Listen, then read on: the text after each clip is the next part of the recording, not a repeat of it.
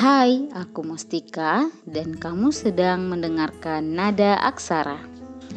Hai gengs, uh, gak terasa ya udah episode 5 dan kali ini kita masuk di episode 6 dan terima kasih untuk para pendengar yang masih setia pantengin podcast aku di Nada Aksara.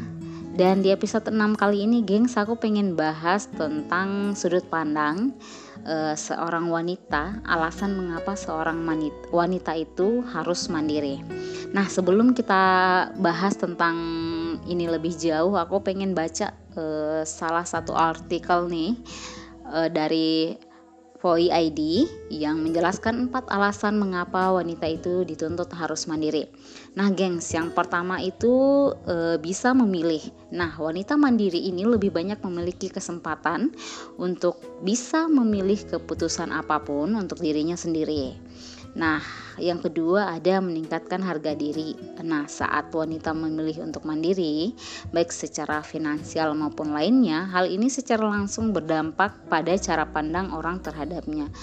Menurut aku sih, gengs, ini aku sepakat banget ya, karena ketika kita secara apa ya, kita dilihat uh, oleh orang lain itu mandiri, kita juga pasti akan berpikir wah ini orang kayaknya uh, apa ya tanpa harus aku bantu pun dia bisa melakukannya sendiri gitu. Kemudian ada yang ketiga punya punya pegangan hidup. Nah wanita yang mandiri tidak akan mudah khawatir saat dirinya sendirian dalam menjalani hidup. Kebiasaannya dalam menjalani hidup sendiri membuatnya tidak bergantung pada siapa pun.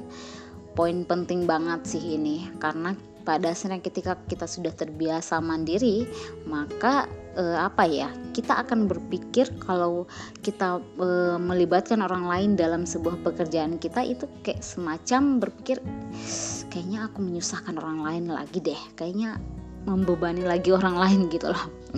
Kemudian eh, yang keempat itu sedikit tekanan sosial Nah, walaupun wanita tidak memiliki tekanan sosial untuk bekerja dan lainnya, namun menjadi wanita mandiri cenderung bisa diandalkan karena orang akan beranggapan Anda adalah seseorang yang kuat dan tidak bergantung. Fix benar banget gitu.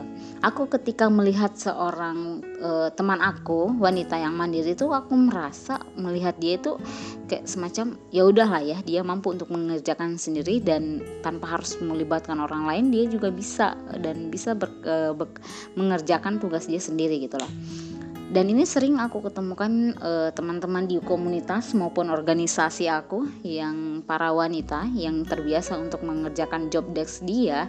Kayak contohnya dia menjadi apa ya pelatih mungkin atau dia menjadi uh, ketua panitia dia menjadi uh, apa ya uh, koordinator di bidang tertentu dia mampu uh, mengerjakan itu sendiri baik dalam bentuk e, berpikir dan juga tindakan. Jadi kedua hal ini dia bisa koordinasi eh, koordinirkan gitu antara pikiran dia dan juga tindakan dia. Nah, menurut aku, gengs, dari sudut pandang aku, menjadi wanita mandiri itu menurut aku keren banget, sumpah.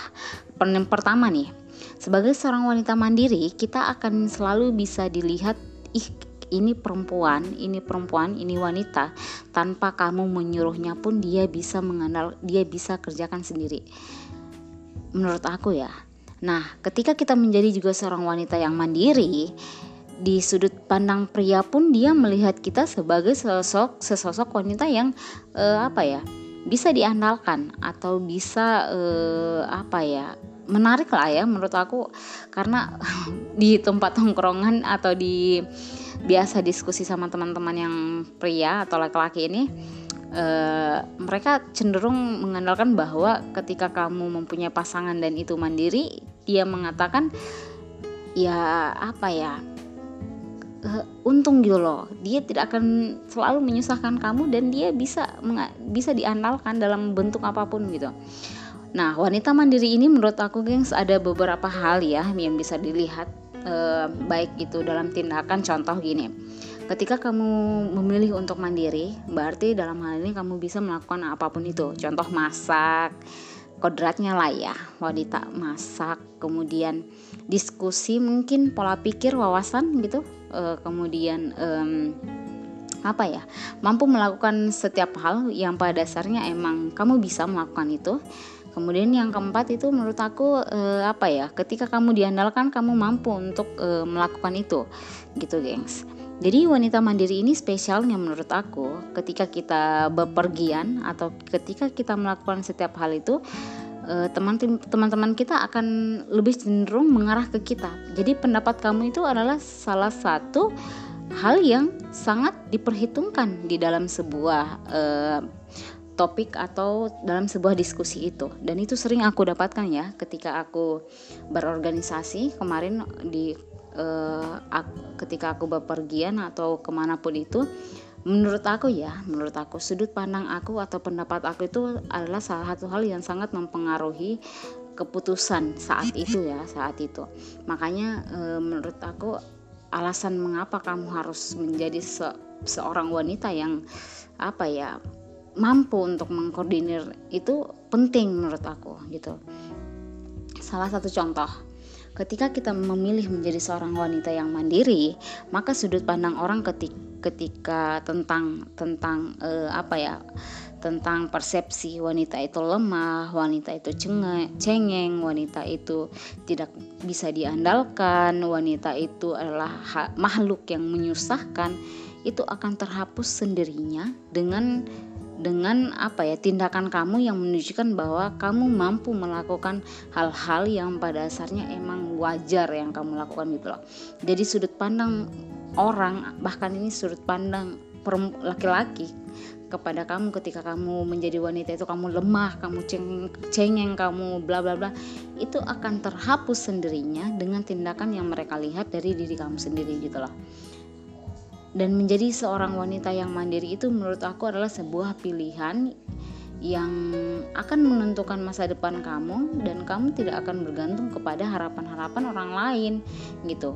Karena pada dasarnya ketika kita sudah menggantungkan ketika kita sudah apa ya bergantung banget kepada orang lain berarti kita sudah memberikan harapan kita sudah sepenuhnya hidup kita itu sudah apa ya berharap kepada orang lain gengs gitu. Contohnya contohnya nih ketika ketika kita mau uh, pergi di sebuah tempat pergi di sebuah tempat.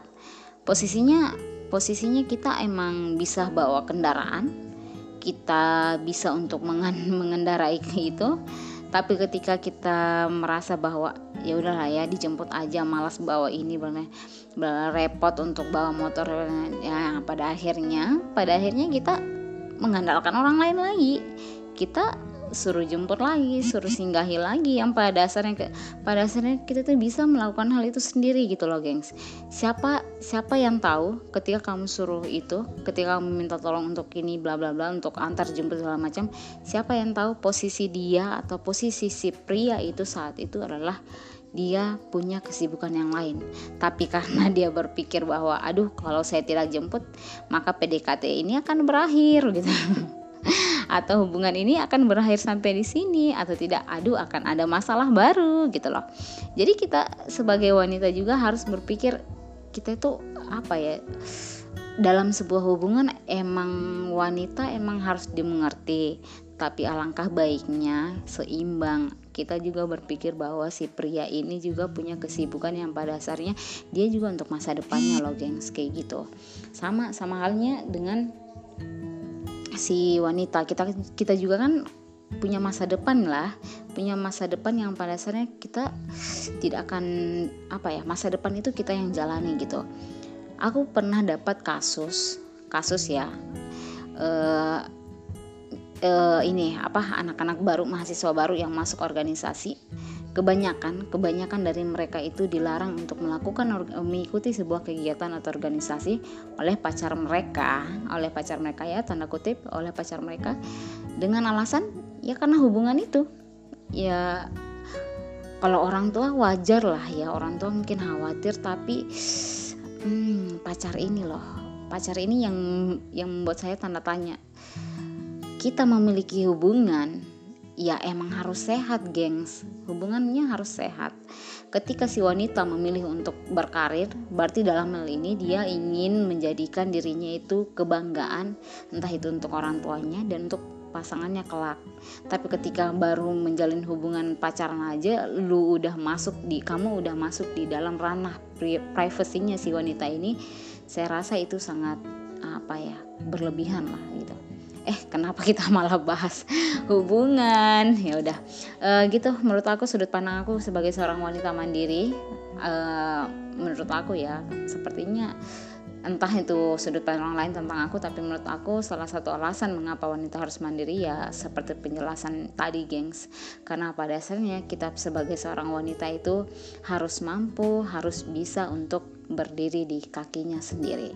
Ya mungkin itu sendiri uh, itu aja um, isi podcast kali ini geng. Semoga kalian selalu mendengarkan dan kalau mau bertukar pikiran silahkan DM di em, di Instagram Instagram aku @mdaratu see you gengs. Bye bye